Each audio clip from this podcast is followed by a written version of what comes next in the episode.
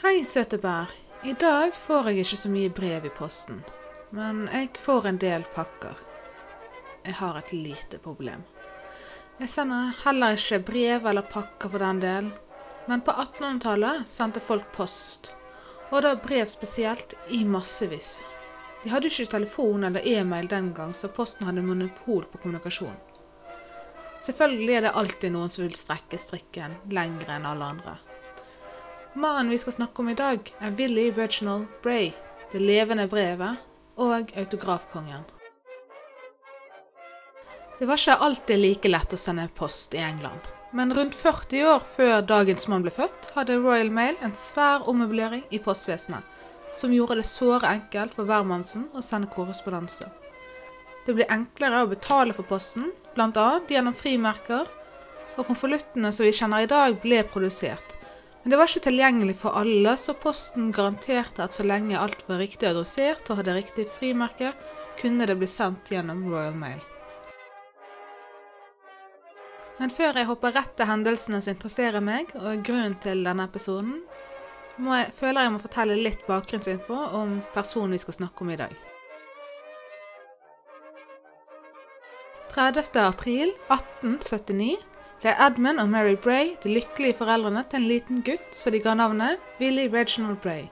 Familien kalte han bare Reg eller Reggie Bray. Familien Bray bodde i en beskjeden viktoriansk villa i Stansted Road i Forest Hill i Kent fylke, hvilket er nå en integrert del av South East London. Den lille familien var en del av en storfamilie som bodde sammen. De andre beboerne var Edmunds mor Elizabeth Duffet og hans halvsøsken Mark Duffett og Lizzie Duffett. Lizzie Duffett var også kalt Ada. Det høres kanskje litt rart ut for oss, men det var ganske vanlig den gang å bruke et slags offentlig navn, så gjerne oppkalt etter et familiemedlem og et navn man brukte i dagligtale og privat. Reggie hadde en ganske vanlig barndom. Da han var ti, begynte han på skolen St. Dunstans College, en liten spasertur fra hjemmet. Han var ganske god i latin og mottok et sertifikat i dette, men ellers var han en helt ordinær elev. Det var ikke noe nevneverdig der. Selv om London var lett å reise til, var det så mye som skjedde i Forest Hill at ungdommen der sjelden dro til byen. Området hadde det berømte Crystal Palace, som holdt verdensutstillingen, og det var flere konsertsteder og klubber og puber og mye å gjøre. Reg utdannet seg og begynte å jobbe som regnskapsfører, et yrke han hadde da han pensjonerte seg. Reggie hadde som unge menn flest mange hobbyer, de typiske syslene for en ungdom den gang. Sykler, jenter og frimerkesamling. Men Reggie var en gutt som tok ting til det ekstreme. Han reiste på mange sykkelferier med venner rundt om i England og Wales, der de reiste fra pub til pub fyllesykling, med andre ord, og han var et ivrig medlem i den lokale sykkelklubben. Der møtte han Mabel. Hun var i midten av en trio av søstre, og det er verdt å merke seg at Reg hadde prøvd seg på alle tre. Man kan si at han datet, og det var også en rekke andre jenter samtidig. Men valget falt uansett på Mabel. De giftet seg i september 1908, og sammen fikk de en datter som fikk navnet Phyllis. Og hun igjen fikk en datter som heter Zoe James. Og en av kildene jeg bruker, har et forord som jeg nettopp har skrevet av henne. Så det syns jeg var litt gøy. Da syns jeg at mesteparten i hvert fall av bakgrunnsinformasjonen er på plass. Og da er det kanskje på tide å hoppe litt tilbake i tid, slik at vi kan følge Reg Rays posteventyr fra begynnelsen. For i 1899, da Reg var 19 år, flyttet hele familien til Devonshire Road. Det var ikke så langt unna det gamle huset, det var fortsatt i Forest Hill. Huset var heller ikke langt unna posthuset, hvilket vi må ante Reg dro for å sende vanlige brev eller hente frimerker som sånn samlet på. Og på en av disse turene til posthuset kom over han en bok han kjøpte, tok med seg hjem og leste perm til perm. British Post Office Guide var en offentlig håndbok, egentlig ikke ment å bli solgt til privatpersoner med vanlige postsendelser, men ment til bedrifter, institusjoner og lignende. Og håndboken inneholdt lover og regler om hva som kunne bli sendt, hvordan man skulle adressere og sånne ting. I håndboken kom man over ordene Letters, book packets, postcards, and newspapers are not liable to additional postage for redirection, whether redirected by an officer the, of the post office or by an agent of the addressee after delivery, provided in the letter case the letters etc. are, post, are reposted not later than the day after delivery. I parentes, Sundays and public holidays are not to be counted. Parentes slutt, and that they do not appear to have been open or tampered with. Redirected letters, etc., which are reposted later than the day after delivery, will be liable to charge at the prepaid rate. Any which appear to have been open or tampered with will be charge chargeable as freshly posted unpaid letters or packets. Litt dårlig engelsk da. beklager det. Men dette så iallfall Reggie på som en utfordring, og etter å ha lest dette bestemte han seg for å teste postverket etter alle kunstens regler. Han kalte selv denne perioden av sitt liv The Freak Letter Period, da han sendte over 30 000 pakker og brev. Reg sendte alt som han kunne presse ned i en postkasse. Det var sjeler og sausenebb, halvrøykte sigarer, tøfler, sjøgress. Han kom over en, kanins, en kaninskalle, altså hodeskallen til en kanin, når han var ute og syklet. Og han skrev bare en adresse på og klistret et frimerke og sendte det av gårde. Mynter, ikke pakket inn eller noe, bare mynter med frimerke og adresse. Sykler, grønnsaker. Og dette er litt søtt, da, men moren Mary bidro til hobbyen hans ved å strikke og hekle brev for han, så han bare festet et frimerke til og sendte av sted. Etter ett år med dette ville Reg utfordre postvesenet ytterligere. Familien Bray hadde et firbent medlem ved navn Bob. Han var av rasen Russell Terrier. Og En dag tok Reg Bob med på tur til posthuset. Der festet han et frimerke og adresserte Bob tilbake hjem. En kort tid senere leverte en postgutt Bob på døren, og dette vekte oppmerksomhet i avisene. Til tross for at man kanskje tror at eh, folk før i tiden ikke brydde seg spesielt om dyrene sine, så var dyrevelferden godt etablert eh, i 1900, da spesielt når det gjelder kjæledyr som hunder og katter, så Reg Bray måtte forsvare sine handlinger for avisene og for allmennheten. Han mente dette var et samfunnstjenlig eksperiment, for nå visste man at man kunne sende hunden i nødsfall med posten til veterinær, til dyrepass eller returnere rømte dyr på denne måten. Reg mente at dette kunne dras lengre, så han møtte opp på posthuset, men uten noen ting eller dyr som skulle sendes. Han sendte seg selv hjem til mor og far. Han ble leiet av noen postgutter på ruten deres, og da droppet av hjemme. Dette stuntet vekte også stor oppmerksomhet. Igjen mente Reg at dette var samfunnstjenlig, for enn så idyllisk stedet var, var området rundt London plaget av det man kalte på folkemunne peace-hopper.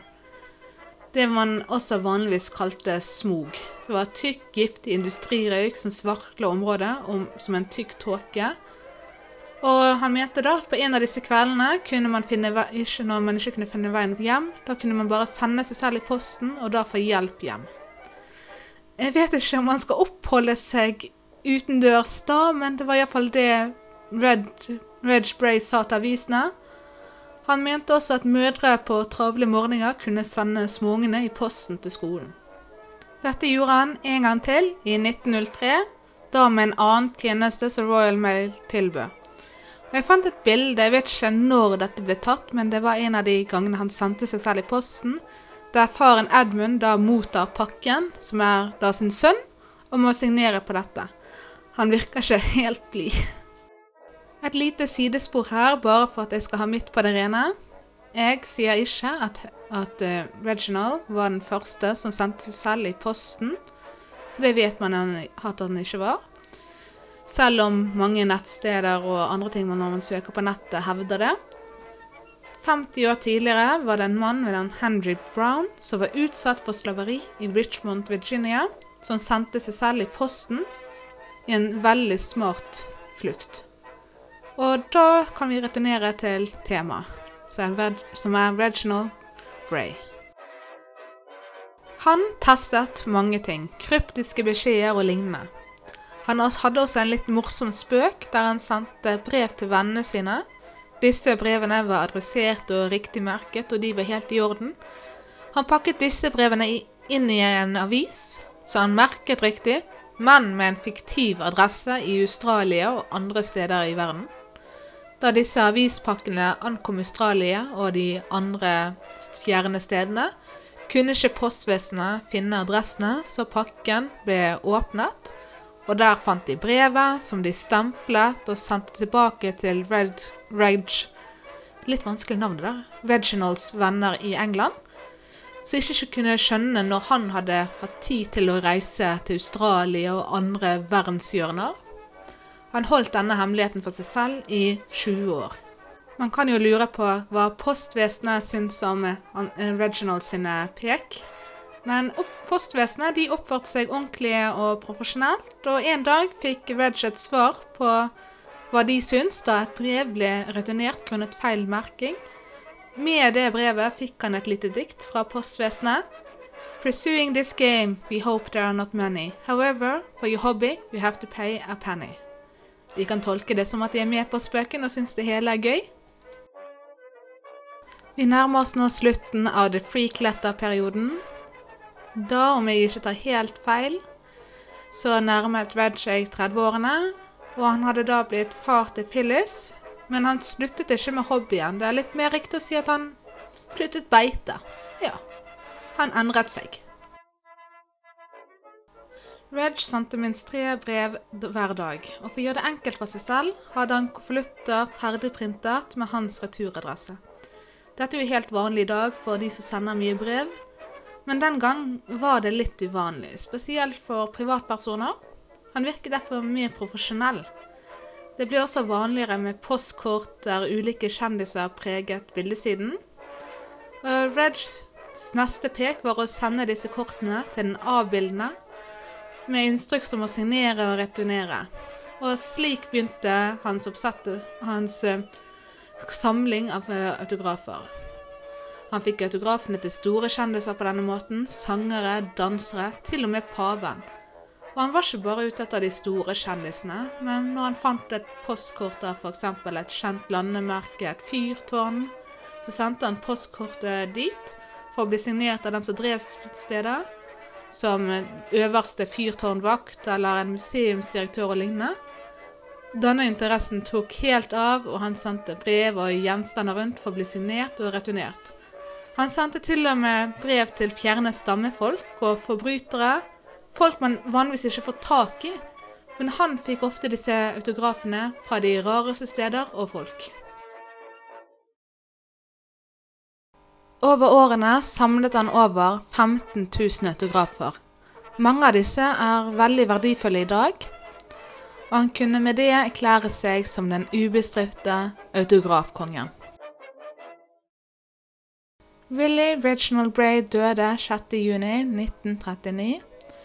Jeg mener å ha lest på et nettsted at han døde av et hjerteinfarkt, men jeg har ikke lagt den med i kildene mine, så jeg er ikke helt sikker. Han døde hjemme hos seg selv i Croydon, der han hadde flyttet og bodd sammen med konen Mabel. Og hun og Reg hadde et godt liv sammen, ifølge hun selv og datteren Phyllis. Til tross for at hobbyen tok så mye tid, og at han jobbet full tid som regnskapsfører, hadde han alltid vært til stede for datteren og konen. Sammen hadde de mange fine stunder, for hun hadde òg samme praktiske humor og tok del i Reg sine påfunn. Et bilde av Reg ble også brukt i Churchman Cigarette Cards, en type samleobjekt fra den tiden, som jeg tror at Reg ville satt pris på, ettersom han var jo en samler selv. Autografsamlingen var i familiens eie i lang tid, til Phyllis solgte en god del til et museum, slik at allmennheten skal ha glede av dem, men hun skal ha bevart minst 200 for seg selv og familien, som de har vært veldig flinke med å dele ut på nettet.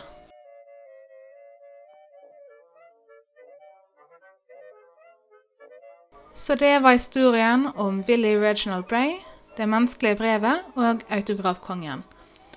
Om du ønsker mer informasjon enn denne lille biografien jeg har satt sammen, kan jeg anbefale boken The Englishman Who Posted Himself and Other Curious Objects av um, John Tingy.